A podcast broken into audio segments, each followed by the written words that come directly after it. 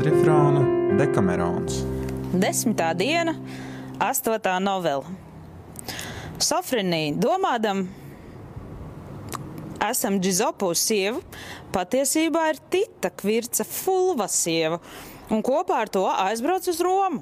Tur nokļuvis nabadzībā, nonāk arī Džuzipo, kas domādams, ka tic viņu nicina, vēlas mirt un tālāk apgalvo, ka no, nogalinājis cilvēku. Tic viņu pazīst un gribēdams glābt, nosauc sevi par slepkavu. To redzēdams, īstenais slepkavs pats piesakās. Tādēļ Oktaviāns atbrīvo visus trīs un tic, atdod savu māsu Giusepo par sievu un dalās ar viņu visā savā mantā. Kad Pompinēja bija beigusi stāstīt, un ik viena jau bija uzslavējusi karali Pjertro, bet visvairāk no visām gribelīna piekritēja, Filamoni izpildot karaļa pavēli iesāka. Cēlās dāmas, Kas gan to nezina, ka karaļi, ja grib, spēj veikt lielas lietas, un ka it sevišķi no viņiem prasa augstsirdību. Tātad, ja kāds, kuram daudz dots, dara to, ko no viņam pienākas darīt, viņš rīkojas labi. Bet par tādu cilvēku nevajag nec daudz brīnīties, nec viņu tik ļoti cildināt. Kā būtu jācildina kāds cits, kas rīkojas tikpat cēli, bet no kura? Tāpēc, ka tam mazāk dots, mazāk tiek prasīts. Un tāpēc, ja jūs ar tik daudziem vārdiem cildinājāt karaļa darbus, un tie jums izlikās skaisti, es nemaz nešaubos, ka jums vēl daudz vairāk vajadzētu sajusmināties par mūsu līdzīgu cilvēku darbiem un tos slavināt. Un, ja tie izrādītos ne mazāk, jebšu pat pārāki par, dar par karaļu darbiem, Un tāpēc es esmu nolēmusi jums kādā novelē pastāstīt, cik cildeni un augstsirdīgi rīkojās divi draugi, vienkārši pilsoņi. Tātad, tajā laikā, kad Oktavians Cēzars vēl nebija nosaukts par augustu un valdīja Romas impērijā triumvīra amatā, Romā dzīvoja kāds dišķiltīgs vīrs vārdā Publis Kvincijs Fulvs, kam bija dēls Tic Kvincijs Fulvs, abrīnojami atdāvināts jauneklis, un viņš to nosūtīja uz Atēnām studēt filozofiju. Uzticēdams to kādam ievērojamam vīram, Kremetam, kas viņam bija senu senais draugs. Kremets iekārtoja Titu savā mājā kopā ar savu dēlu, sauktu Džizipo, un atdeva abus Titu un Džizipo pie kāda filozofa Aristipa mācībā. Un kamēr no abi jaunekļi tā kopā dzīvojās, Izrādījās, ka viņu dabas un paražas ir gaužām līdzīgas, un viņi cieši sadraudzējās un kļuva tik tuvu kā īsteni brāļi, un viņu draudzību nekas nespēja šķirt kā vienīgi nāve. Neviens no viņiem nerada nec prieka, nec miera, ja viņi nebija kopā. Viņi uzsāka studijas un apveltīti ar vienādi izcilām spējām kāpa slavas apmirdzētajos filozofijas augstumos, ar vienādiem soļiem un apbrīnojamām sekmēm. Un tādu dzīvi viņi dzīvoja kādus trīs gadus, ar vislielāko prieku kremetam, kas gandrīz abus vienādi mīlēja kā paša dēls. Pēc trim gadiem Kremets, būdams jau vecs vīrs, šķīrās no šīs pasaules. Kā tas mēdz notikt ar visām dzīvām radībām, un abi jaunekļi vienlīdz sēroja pēc viņa kā pēc sava īstā tēva. Un nedz kremeta draugi, nedz radinieki neprat izšķirt, kurš no tiem abiem vairāk jāmierina lielajās bēdās. Pēc dažiem mēnešiem atgādināja, ka Džizopu draugi un tuvinieki līdz ar Titu atnākuši pie viņa, mudināja viņu ņemt sev sievu, un drīz vien atrada viņam kādu brīnumu daļu. Atēniešu jaunavu no ievērojamas cilts vārdā Safronija, apmēram gadus 15 vecu, un tuvojoties noteiktajai kāzu dienai, Džizopu kādu dienu lūdz Titu atnākt viņam līdzi un iepazīties ar Līgavu, ko Tic vēl nebija redzējis. Un kad viņi bija nonākuši jaunavas mājā un tā nosēdās abiem vidū, Tic sāk to vērīgi aplūkot it kā būtu draugu līgavas skaistums soģis. Un tā, kā it viss viņam jaunavā neizsakām patika, viņš pie sevis bezgalīgi to slavēdams, bet nevienam neliktams manīt, tik stipri tajā iemīlējās, kā jebkad kāds vīrietis iemīlējies sievietē. Taču, kad viņi kādā brīdī pie tā bija pakavējušies, viņi atvadījās un atgriezās mājās. Tur ticis iegājis viens, viens savā istabā, nodevās pārdomām, pārdomām par iemīlēto jaunu un iedegās jo lielākā mīlestībā. Jo vairāk par to domāju un to apjauts pēc daudzām karstām nopūtām pie sevis sacīja. Ai, cik nožēlojama ir tava dzīve, Tit! Kurp un uz ko tu raidi savas jūtas, savu mīlestību un cerības? Vai tad tu nesaproti, ka labvēlības dēļ, ko tu esi saņēmis no Kremeta un viņa ģimenes un ciešās draudzības dēļ, kas vieno tevi un Džizopu, tev pienāks šo jauno, kur ir Džizopu sadarinātā, cienīt kā māsu? Tātad, ko tu mīli? Kur tu ļauj sev aizvest maldīgai mīlestībai? Kur ļauj sev valdīt vilšanās cerībai? Atver saprāta acis un iepazīsties pats sevi, ak, nelaimīgais. Ļauj valdīt prātam, savaldi miesas dziņus, apslāpē slimīgās ilgus un savas domas pievērs kam citam. Pašā sākumā stājies pretī savai iekārai un pārvari pats sevi, kamēr vēl ir laiks. Tev nepieklājas to vēlēties, tas nav godīgi, un tev vajadzētu bēgt no tām, kam tu centies sekot, pat tad, ja tu būtu pārliecināts, kāds tu nēsi ka to sasniegsi. Ja tu ņemtu vērā to, ka prasa īsta draudzība un pienākums, tātad ko tu darīsi, Tit? Tu atteiksies no negodīgās mīlestības, ja gribēs rīkoties kā pienāks. Un tādā atcerēdamies Safroņu, viņš mainīja savas domas. Nosodīja visu, ko bija teicis un sacīja. Mīlestības likumi ir spēcīgāki par visiem citiem. Tie sagrauj ne tikai draudzības, bet pat dieva likums. Cik reižu nav atgadījies, ka tēvs ir iemīlējis meitu, brālis, māsu, pamāti, padēlu? Tas ir daudz šausmīgāk nekā iemīlēt savu draugu sievu, kas ir noticis tūkstošiem reižu. Turklāt es esmu jauns, un jaunībā ir pilnīgi pakļauta mīlestības likumiem. Tātad, kas patīk amoram, tam jāpatīk arī man. Cienījami darbi piestāv vairāk nobriedušiem cilvēkiem, un es nevaru vēlēties neko citu kā vienīgi to, ko vēlas Samors. Viņu skaistums pelnīja, lai ik viens viņu mīlētu, un ja es viņu mīlu, jauns būdams, tam tiesības man nosodīt? Nē, tāpēc es viņu mīlu, ka viņa pieder Džizopu, bet es viņu mīlu un mīlētu, lai kam viņa piederētu. Šeit vainīgs liktenis, kas atdāvināja viņu manam draugam Džizupo ātrāk nekā kādam citam. Un, ja viņi ir jāmīl, kā to pelnīt viņas skaistums, tad Džizupo jābūt jo vairāk apmierinātam, uzzinot, ka viņu mīlu es nevienu kā cits. Un no šā prātojuma pats sevi izsmiedams, viņš atgriezās pie pretējā. Un tā atkal pie šā, un tā joprojām. Tā viņš parādīja ne tikai, pa, pavadīja ne tikai visu dienu un nākošo nakti, bet arī daudzas citas dienas. Kamēr pazaudēja ēst gribu un miegu, aiz vājumu viņš bija spiests likties gultā. Džizopu, kas jau vairākas dienas bija redzējis viņu domīgu, un tagad ieraudzīja slimu, bija ļoti nobēdājies un neatiedams ne soļa no viņa, centās viņu nomierināt ar visādiem līdzekļiem un pūlēm bieži un neatlaidīgi taujādams pēc viņa slimības un do, domīguma iemesla, kad tic jau vairākas reizes bija atrunājies ar visādiem niekiem, un Džizopu to nomanīja, tic jūsdams, ka gal galā Džizopu tomēr piespiedies viņu teikt patiesību caur asrām un nopūtām atbildēja tā. Džizopu. Ak, dieviem lapa tikt, es daudz labprātāk mirtu nekā dzīvotu. Domājot par to, ka liktenis man ļāva pārbaudīt manu likumību, un sev par vislielāko apkaunojumu man nācās atzīt, ka tā ir uzvarēta. Protams, es visai drīz sagaidu to atalgojumu, kāds man pienāks, un proti nāve, kas man būt, būs dārgāka par dzīvību, atceroties savu zemiskumu, kuru es tev atklāšu ne bez liela kauna jo es nedz varu, nedz drīkst kaut ko no tevis slēpt.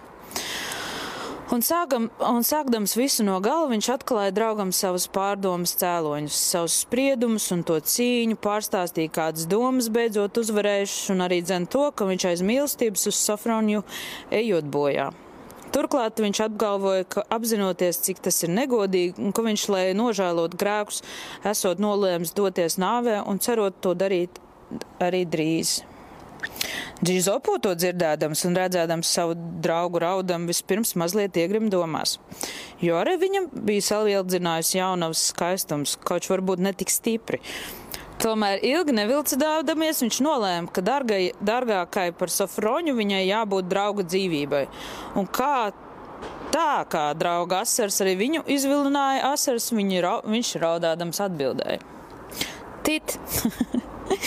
Ja tev nebūtu vajadzīgs mierinājums, kāds tev ir vajadzīgs, es tev pašam žēlotu tos par tevi, kā par cilvēku, kas aptraipīs mūsu draudzību, turēdams tik ilgi apslēpt savu nopietno kaislību. Un kaut gan tev tā neizlikās godīgi, un no drauga nav jāslēp nec godīgās domas un jūtas nec negodīgās, jo draugs priecājas kopā ar draugu par godīgajām, bet ne negodīgās domas cenšas aizzīt no draugu dvēseles. Bet šobrīd es ne par to nerunāšu un pievērsīšos tam, par ko, manuprāt, visvairāk nepieciešams runāt. Es nebrīnos, ka tu kaislīgi mīli Sofroņu, manu sadarināto. Es drīzāk brīnītos, ja tas tā nebūtu. Tāpēc, ka es pazīstu viņas skaistumu un tavas dvēseles cēlumu, kas spējīga, jo vairāk aizdegties kaislībā, jo skaistāk ir tas, kas patīk. Un cik taisnīgi tu mīli Sofroņu, tik netaisni apsūdz likteni. Lai gan tu to nesaki, ka liktenis viņu piešķīrs man, jo tev mīlestība tev izliekoties godīgi. Ja viņi būtu piederējis kādam citam, nevis man, bet ja tu esi saprātīgs, kāds aležmēts būtu, tad padomā, kuram gan citam, ja ne man, liktenis varētu viņu dāvināt, lai tu varētu būt liktenim jau pateicīgāks. Taču, lai arī kas viņu būtu ieguvis un lai cik godīgi būtu bijis tava mīlestība, tas viņu būtu mīlējis vairāk sevis, nevis tevis dēļ ko tu nedrīkst gaidīt no manis, ja uzskati mani par savu draugu, kāds es arī esmu. Un iemesls ir šāds. Es neatceros, kopš mēs esam draugi, ka man būtu kaut kas piederējis, kas nebūtu tikpat tavs kā mans. Un tāpēc, ja šī lieta būtu nonākusi tik tālu, ka to citādi nevarētu nokārtot, es rīkotos ar viņu tāpat kā ar visu citu. Bet tā kā vēl nav tik tālu, un es Sofroņu varu pa padarīt vienīgi par tavu, es tā arī dzendarīšu. Jo es nesaprotu, kāpēc manai draudzībai tev vajadzētu būt dārgākai. Ja kādā lietā, kur var godīgi nokārtot, es neprastu padarīt manu vēlēšanos par tavu. Ir taisnība, ka Safroņa ir mana līgava un ka es viņu ļoti mīlēju un ar lielu prieku gaidīju kāzas. Taču, tā kā tu, es, kas esi daudz saprātīgāks par mani un ar lielāku dedzību ilgojies pēc tāda dārguma, kāds ir viņa, tad es droši, es, tad esi drošs, ka Safroņa ienāks manās mājās nevis kā mana, bet gan kā tava sieva. Un tāpēc atmet prātošanu, arī dzen grūtsirdību, atgūsti zaudēto veselību, spirktumu un jautrību. No šā brīža līksmi gaida atalgojumu par savu mīlestību, kas ir tik kā daudz cienīgāka nekā mana mīlestība. Kad tic dzirdēja Džizopū tā runājumu, viņa gan iepriecināja vilinošā cerība, bet pienācīgs saprāts lika kaunēties un pierādīja, ka jo lielāka ir Džizopū devība, jo nekrietnāk būtu to izmantot. Tāpēc nemitēdamies raudāt, viņš ar pūlēm atbildēja. Džizopo, Džizipo, Džizipo, Džizipo, Džizopu, Džizipo, Džizipo, nu, Džizipo. Nu, Džizopu, tava augstsirdīgā un patiesā draudzība man ļoti skaidri parāda, kas man jādara, ja es esmu tavs draugs. Pasaka Dievs, ka līgavu, kur viņš tev cienīgajiem dievi ir dāvinājis, es pieņemtu no tevis par savu. Ja visu varenais būtu atzinis, ka tā pienāks man, tad nec tev, nec kādam citam neklātos domāt, ka viņš to jebkad būtu dāvinājis tev. Tad priecājies par to, ko viņš tev izra, izraudzījies pieņem draugu prātīgo padomu un visaugstākā dāvana un atļauj man non, nonīkt asarās, kuras Dievs sagādājis man, kas neesmu nekādas laimes cienīgs. Es vai nu pavarēšu šīs, pārvarēšu šīs asaras, kā tu vēlētos, vai arī tās pārvarēs mani, un es būšu atpestīts no mokām. Nē, nē, nē, nē tā nevarēs. Uz to Džizipo atbildē Tit. Ja mūsu draudzība var man dot tiesības piespiest tev izpildīt manu gribu un tev pamudināt piekāpties, tad lūk, ko es esmu nodomājis darīt.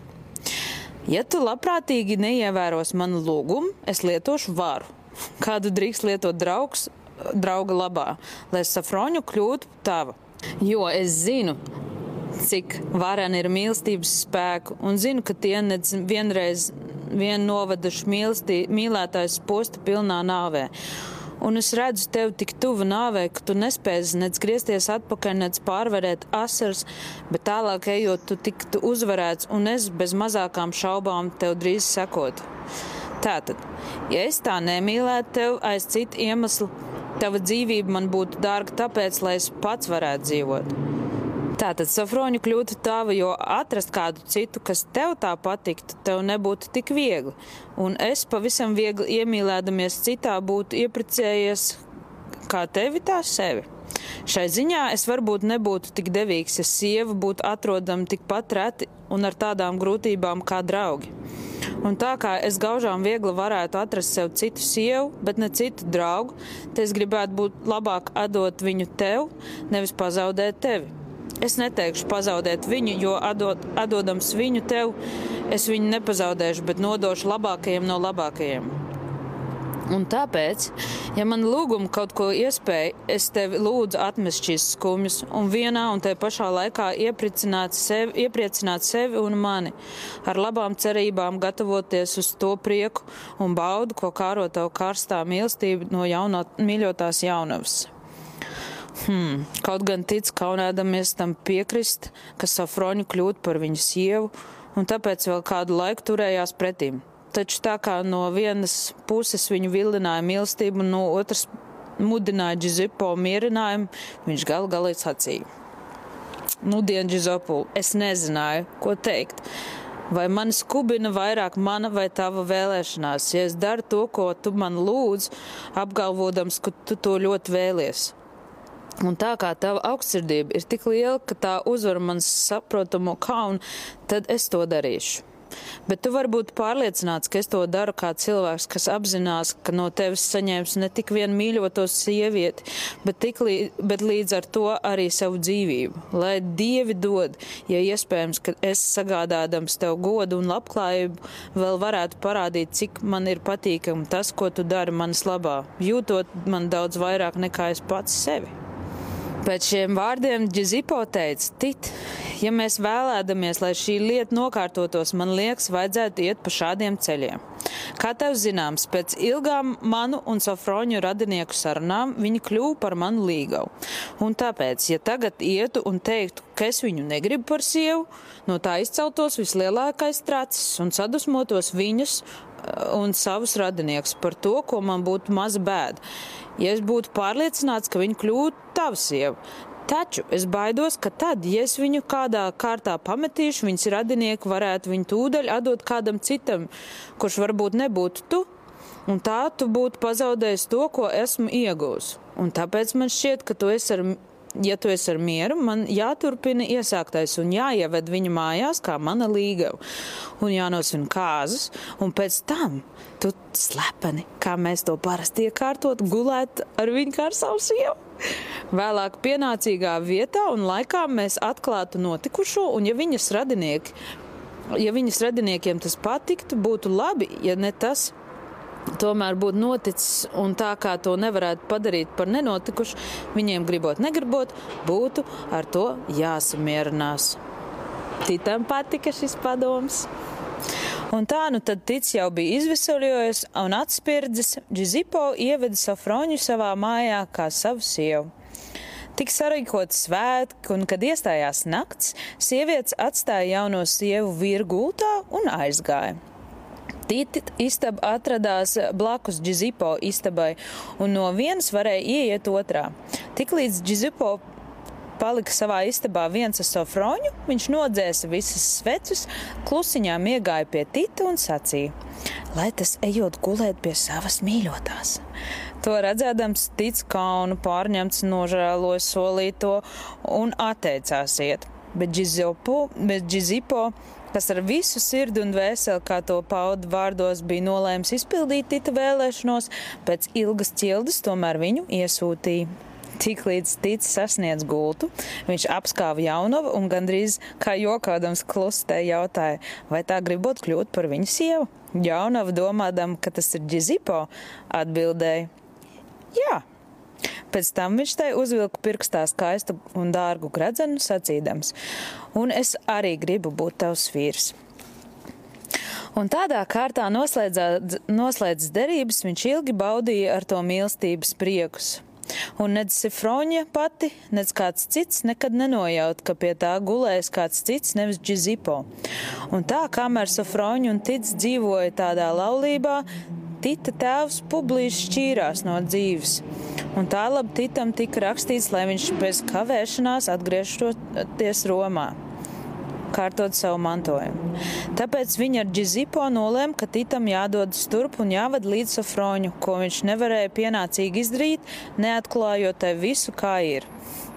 Tādēļ kādu dienu iesaukuši Sofroņu savā istabā, te izstāstīja viņai visu patiesību un tic par viņu Viņu par to pārliecināja, atklājot daudz ko tādu, ko, kas bija noticis tikai starp viņiem abiem uzlūkojas te vienu, te otru ar zināmu sašutumu, Safroņa sāka nevaldām raudāt.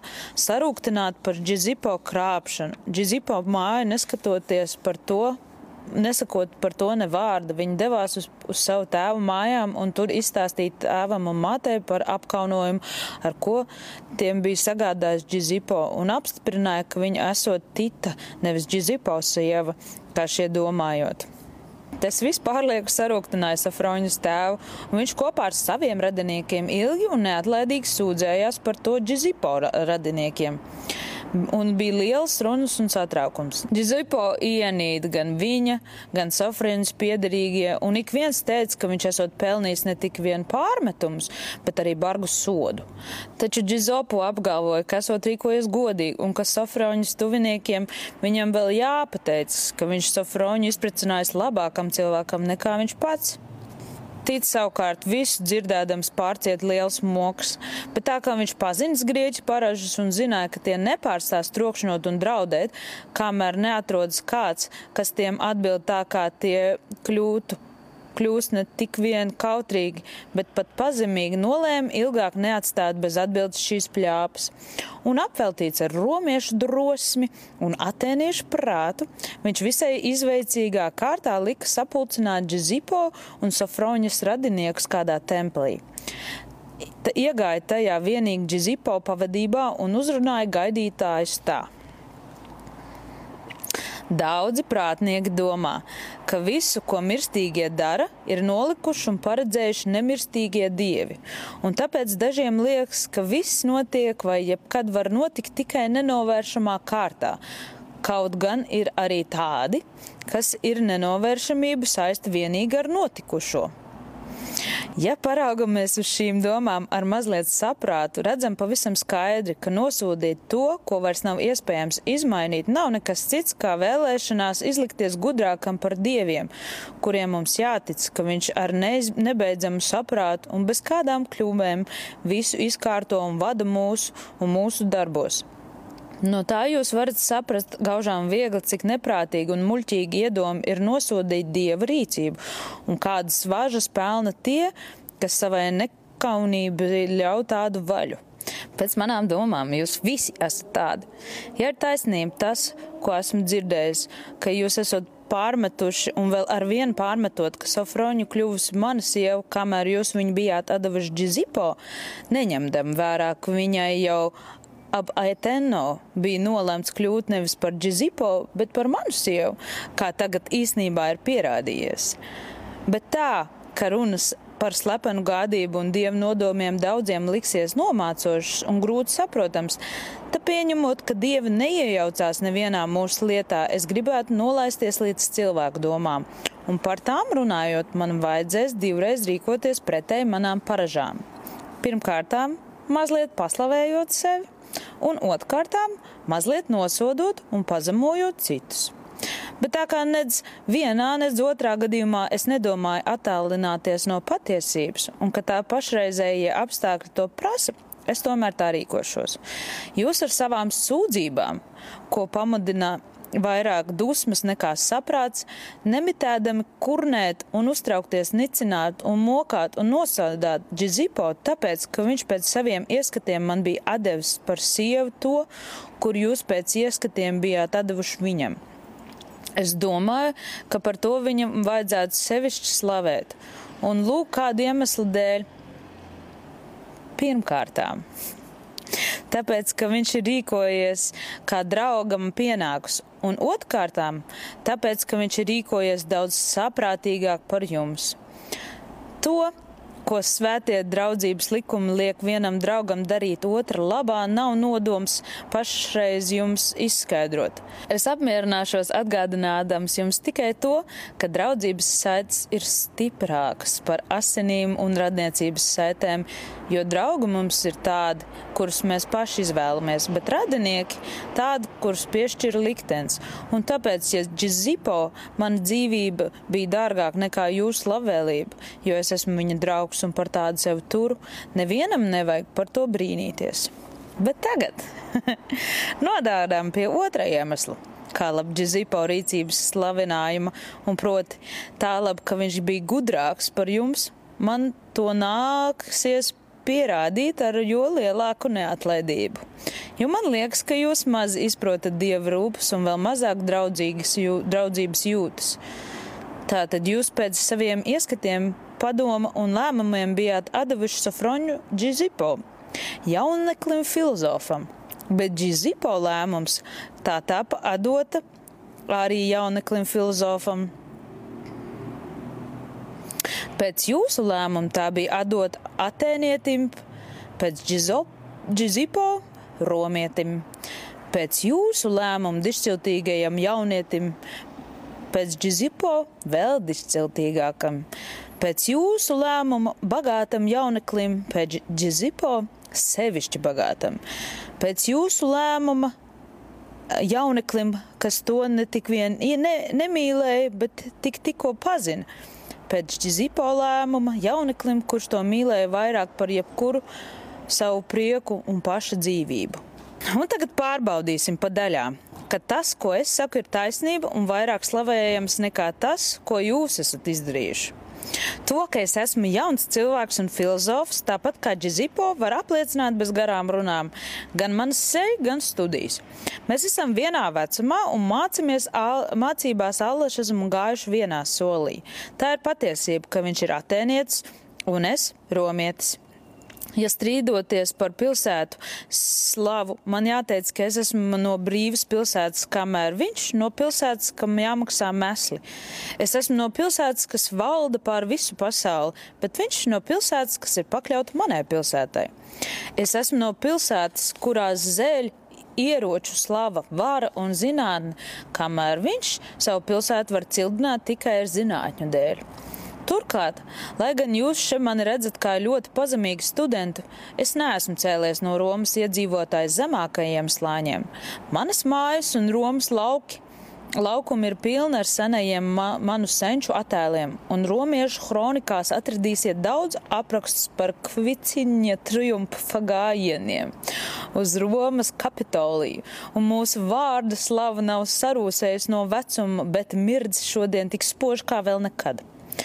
Aiz kautrīguma mēs noklusējuši savas bagātības, paturot prātā godīga nabadzība ir sens un vērtīgs dišciltīgo Romas pilsoņu mantojums. Taču tā kā vienkāršo ļaužu domu nabadzības nosoda un cildina bagātu, bagātību, es varētu teikt, ka man tās ir pārpilnām. Nevis tāpēc, ka es būtu monkārīgs, bet gan tāpēc, ka esmu likteņa mīlulis. Es ļoti labi saprotu, ka jums bija un vajadzēja būt patīkami šeit radoties ar Džizipo, bet nav nekāda iemesla, lai, lai jūs mani necienītu Romā.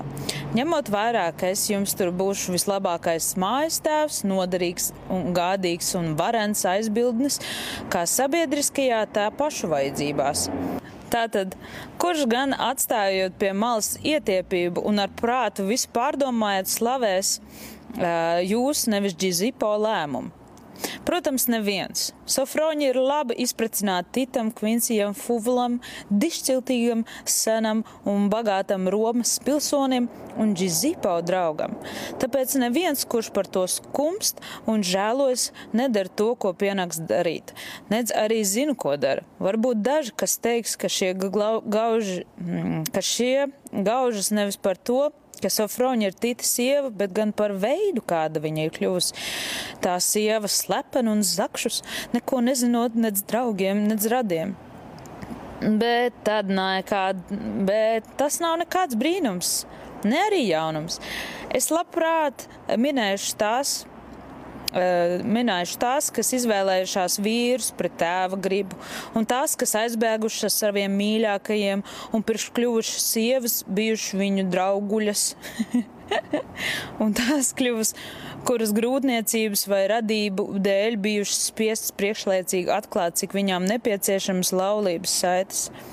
Tas viss nav atgadījies Safronijai. Gluži pretēji, Džizopu viņu kārtīgi, apdomīgi un godīgi atdeva Titam, un citi teiktu, ka Safronija ir izpre, izprecinājis cilvēks, kam nebija tiesības viņu izdot pie vīra, Tas ir muļķīgas, sievišķīgas un gaužām nepārdomātas žēlabas. Ne pirmo reizi liktenis izlieto dažādus ceļus un jaunus ieročus, lai sasniegtu nodomāto. Kāda mana daļa? Ja kurpnieks ātrāk nekā prātnieks nokārto manu lietu pēc savas saprašanas slepeni vai atklāti, ja tikai beigās ir labas.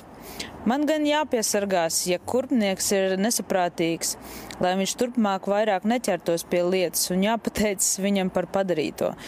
Ja Džizupu ir labi izprecinājis Safroņu, tad žēloties par viņu, par veidu, kā viņš to izdarījis, ir lieki un muļķīgi.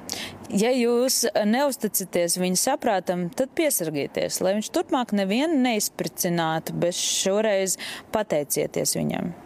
Tomēr jums jāzina, ka es neesmu centies nec ar viltu, nec krāpšanu aptraipīt jūs dzimtas godu un dišciltību iegūdam safroņu.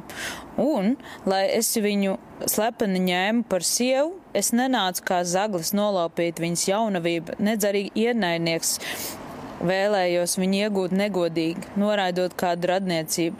Es tā rīkojos karsti mīlēdams viņas izcilo skaistumu un likumību un zinādams, ka nebūtu viņu iegūs, ja būtu mēģinājis viņu iegūt tādā kārtā, kā jūs varētu ieteikt.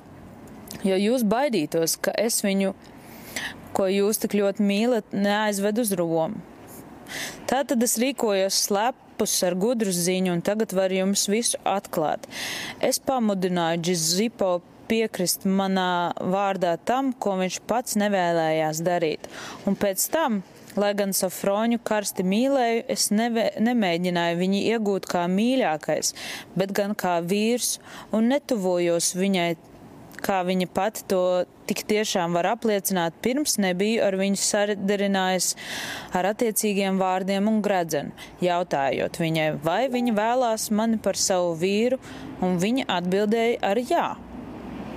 Ja viņai liekas, ka viņa ir piekrāpta, tad nevar pārmest man, bet gan viņai, ka viņa man nepajautāja, kas es esmu. Šis tā tad ir tas lielais ļaunums, lielais grēks un lielais noziegums, ko pastrādāja Džizipo draugs un es, mīlētais, lai Safroņa slepeni kļūtu Tita Kvincijas sieva, tad nu mociet, mociet viņu par to un draudiet un uzglūniet viņam. Bet ko gan jūs varat būt darījuši, ja viņš to būtu atdevis nelietim, blēdim vai vergam? Kādas ķēdes, kāda cietuma un kādas mocības jums liktos pietiekamas? Taču, lai tas tagad paliek, man pienācis laiks, kurus vēl negaidīju, un raugi mans tēvs ir miris, un man jāatgriežas Romā. Un tāpēc, gribēdams vest sev līdzi Safroņu, es jums atklāju to visu, varbūt vēl būtu turējis noslēpumā. Un ja jūs būtu saprātīgi un jūs priecīgi ar to samierinātos, Tāpēc, ka es būtu, bijis, būtu gribējis jūs pievilt vai apvainot, varētu pamest viņu ap, apsmietu. Taču pasarg Dievs, ka tāda nekrietnība varētu jebkad ienākt prātā romietim. Tātad ar eh, dieva labvēlību, ar cilvēku likumu spēku, ar manu draugu Džizipo slavinājumu, manamo slavējamo gudrību, ar manu mīlētāju Viltu Safroņa ir kļuvusi mana to visu. Jūs, kas varbūt turat sev gudrāk par dieviem un citiem cilvēkiem, varētu nesaprātīgi mūs no, nosodīt divējādā veidā. Man ir ļoti nepatīkami. Pirmām kārtām paturēt šesofroņu, uz kur jums nav vairāk tiesību kā man, jums patīk dot, un otrkārtām izturēdamies pret Džizipo kā pret ienaidnieku, lai gan jūs patiesībā esat viņam pateicība parādā. Neesmu nodomājis jums pašreiz vairāk klāstīt, cik muļķīgi jūs rīkojaties tā darīdami, bet dod jums kā draugiem padomu atmest visas dusmas un sašutumu un atdot man sofroņu, lai varētu priecīgi atbraukt kā jūsu radinieks un allaž tāds palikt. Bet lai jums patiktu vai nepatiktu tas, kas izdarīts, ja jūs iedomāsieties rīkoties citādi, varat būt droši, ka es atņemšu jums džizipo un tiklīdz nonākšu ropumā, visādā ziņā atgūšu to, kas likumīgi ir mans, kaut arī pret jūsu gribu. Un ko spēja romiešu dusmas, es vienmēr ar jums naidošu, naidoties likšu jums iepazīt darbos. Un tad tic bija pateicis, viņš piecēlās ar dusmīgu seju, paņēma pie rokas džizipo un parādīdams, ka viņam mazdaļas gar templī paliekušajiem aizgāja galvu purinādams un vēl piedraudēdams. Tie, kas palika templī, gan Tita pierādījumu pamudināti tīkodam pēc viņa radniecības un draudzības, gan nobijušies no viņa pēdējiem vārdiem, vienprātīgi nolēma, ka labāk iegūt Titu par radinieku. Ja Džizipo par tādu nebija gribējis kļūt, nekā pazaudēt Džizipo kā radinieku un iegūt Tito kā ienaidnieku. Tāpēc tie devās uzmeklēt Titu un teica šiem, esot ļoti paprātam, ka Sifroņa ir viņa sieva un ka viņš pats būšot šim dārgs radinieks un Džizipo joprojām palikšot labs draugs. Un draudzīgi apsveikuši cits citu, tie devās prom un atsūtīja viņam Sofroņu. Sofroņa būdama gudra pārvērta nepieciešamību pienākumā un tūlīt pievērsa titam, pievērsa titam to mīlestību ar kādu mīlēja Džizipo, un kopā ar Titu devās uz Romu, kur viņus abus sagaidīja ar lielu godu. Džizopu palika Atēnās, gandrīz neviena neieredzēts, un pēc neilga laika pilsētas iedzīvotāju savstarpēju ķildu dēļ viņš nabadzīgs un nelaimīgs līdz ar tuviniekiem tika izraidīts no Atēnām un notiesāts uz, ar mūžu trimdu. Tādā stāvoklī kļūst ne tik vien nabaga vīrs, bet gandrīz vai ubaks.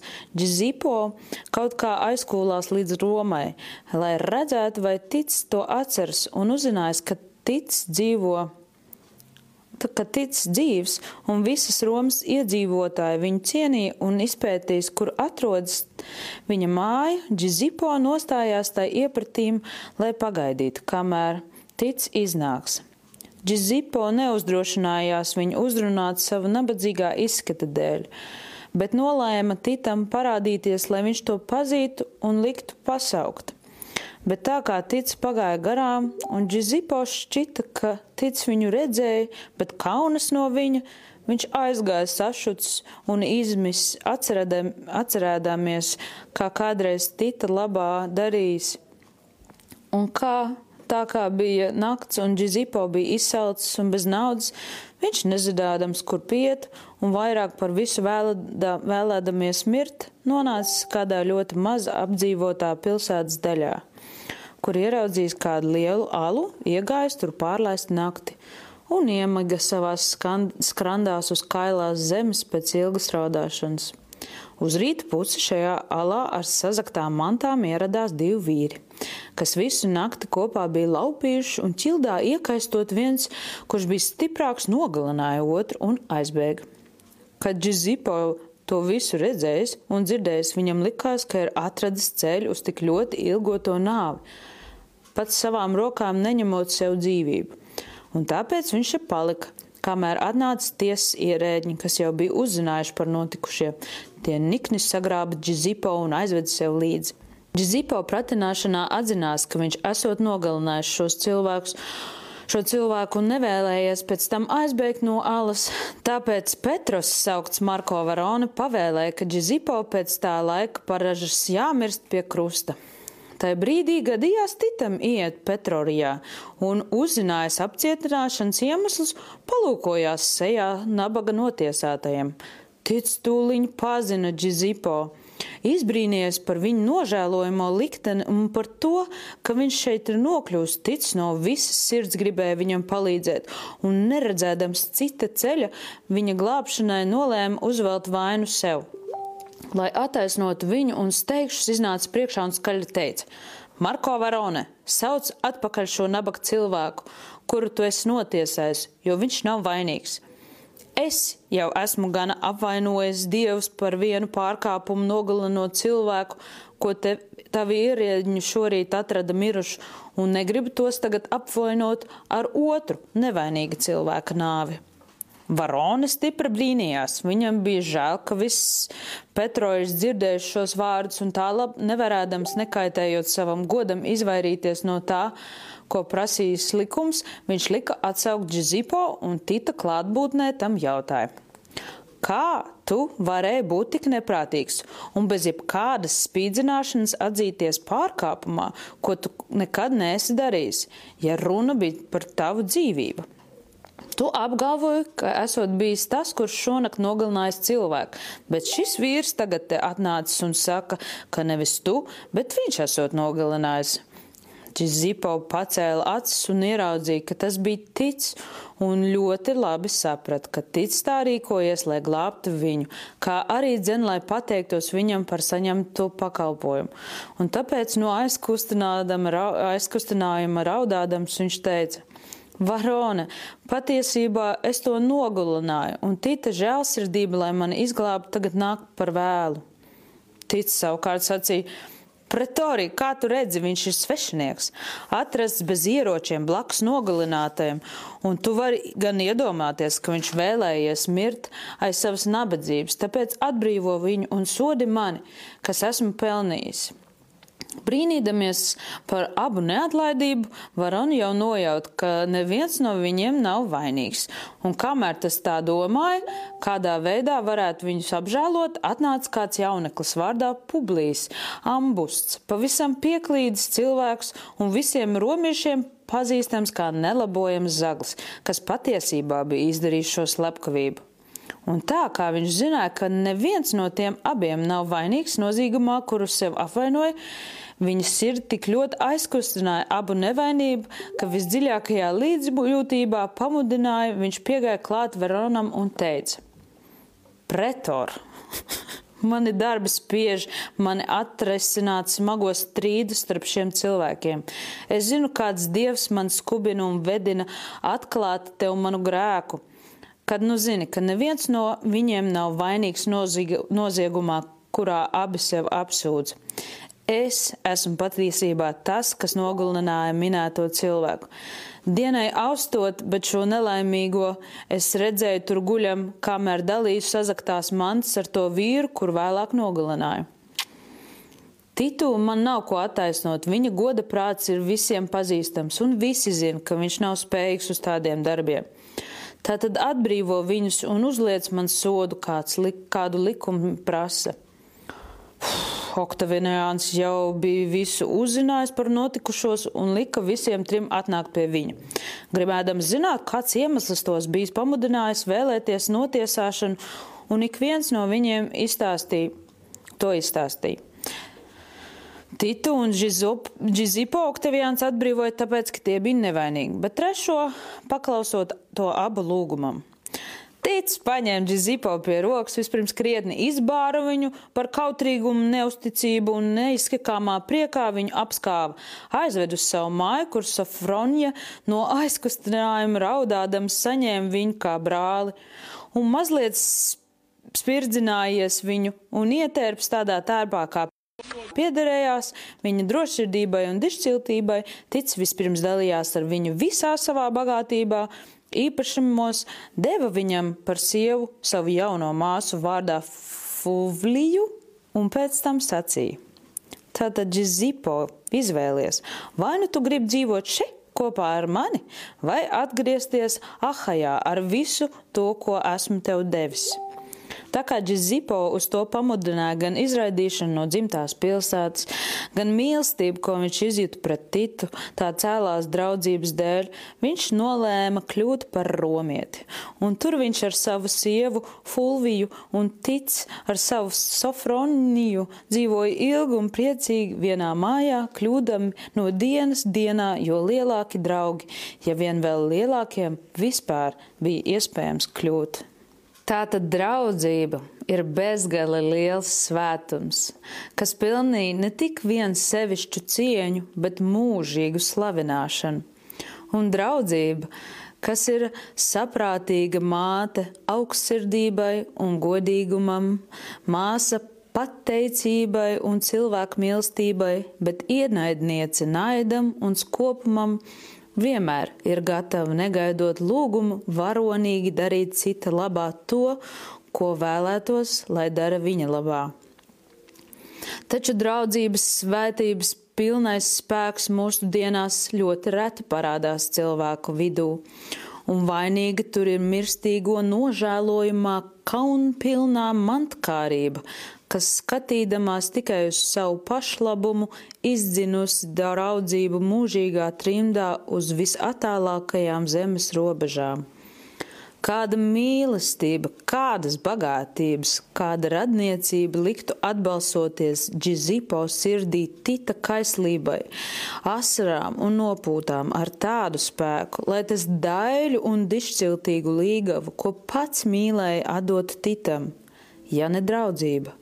Kādi likumi, kādi draudi, kādas bailes būtu atturējuši Džizipo jaunās un straujās rokas, vientuļās un tumšās vietās, jeb šo pašu gultā apskaudaļo jaunu, pēc kuras viņš varbūt dažreiz bija ilgojies, ja ne draudzība kādi godinājumi, kādi apbalvojumi, kādi labumi pabudinātu Džizipo neraizēties par savu un Sofroņas radinieku pazaudēšanu, nevērīgo pūļa, naidīgo kurnēšanu, neievērot izsmieklu un zobgalības, lai tikai izpildītu drauga vēlēšanos, ja ne draudzība. Un no otras puses, kas spētu pamudināt Titu, kurš bez nekāda negoda varēja izlikties draugam neredzam, nevic, nevilcinoties tik dedzīgi meklēt savu nāvi, lai glābtu Džizipo no krusta, ko viņš pats sev bija uzvēls, ja ne draudzība? Kas būtu padarījis Titu tik pārlieku devīgu, ka viņš bez mazākās kavēšanās dalītos savā milzīgajā mantojumā ar Džizipo, kuram liktenis bija nolaupījis visu mantu, ja ne draudzība. Kas spētu pamudināt Titu nešaubīgi no laba prāta atdot māsu Džizipo, kurš bija pagalam nabadzīgs un dzīvoja vislielākā trūkumā, ja ne draudzība? Tātad, lai cilvēki vēlas sev veselu pulku radinieku, veselu baru brāļu un daudz bērnu, lai palielina savu naudu kalpotāju skaitu, un tomēr viņi redzēs, ka ik viens no tiem vairāk baidās no visniecīgākajām briesmām, kas draud pašam, nekā pūles novērst lielas briesmas, kas draud tēvam, brālim vai saimniekam, kamēr vienīgi draugu mēs redzam rīkojamies gluži pretēji. Sveiki! Mani sauc Ines, un uh, vairākas nedēļas atpakaļ es uh, jautāju Keitai Mēlei, kā būtu, ja es arī lasītu kādu no Dekamarona novelēm. Un uh, viņa teica, vienkārši piezvani viņiem, un, uh, un tad viņi tev iedos kādu nolasīt. Bet, nu, kā gadījās, kā ne, ka es viņiem nepiezvanīju. Tad šajā brīnišķīgajā sestdienas rītā pamodos no zvana, kurš man lūdza, lai es ārkārtas situācijā palīdzu, izpalīdzu un nolasu vienu ārkārtīgi garu dekameronu noveli, uz ko man likās, ka brīnumi notiek. Vienkārši vēlies un tev taps dots. Tad eh, vēlu jums arī piedzīvot tādus brīžus un nekurnēt, ka man nekas nesanāk un man neviens nemīl. Jo tas tieši notiek tajos brīžos, kad tu vismazāk gaidi.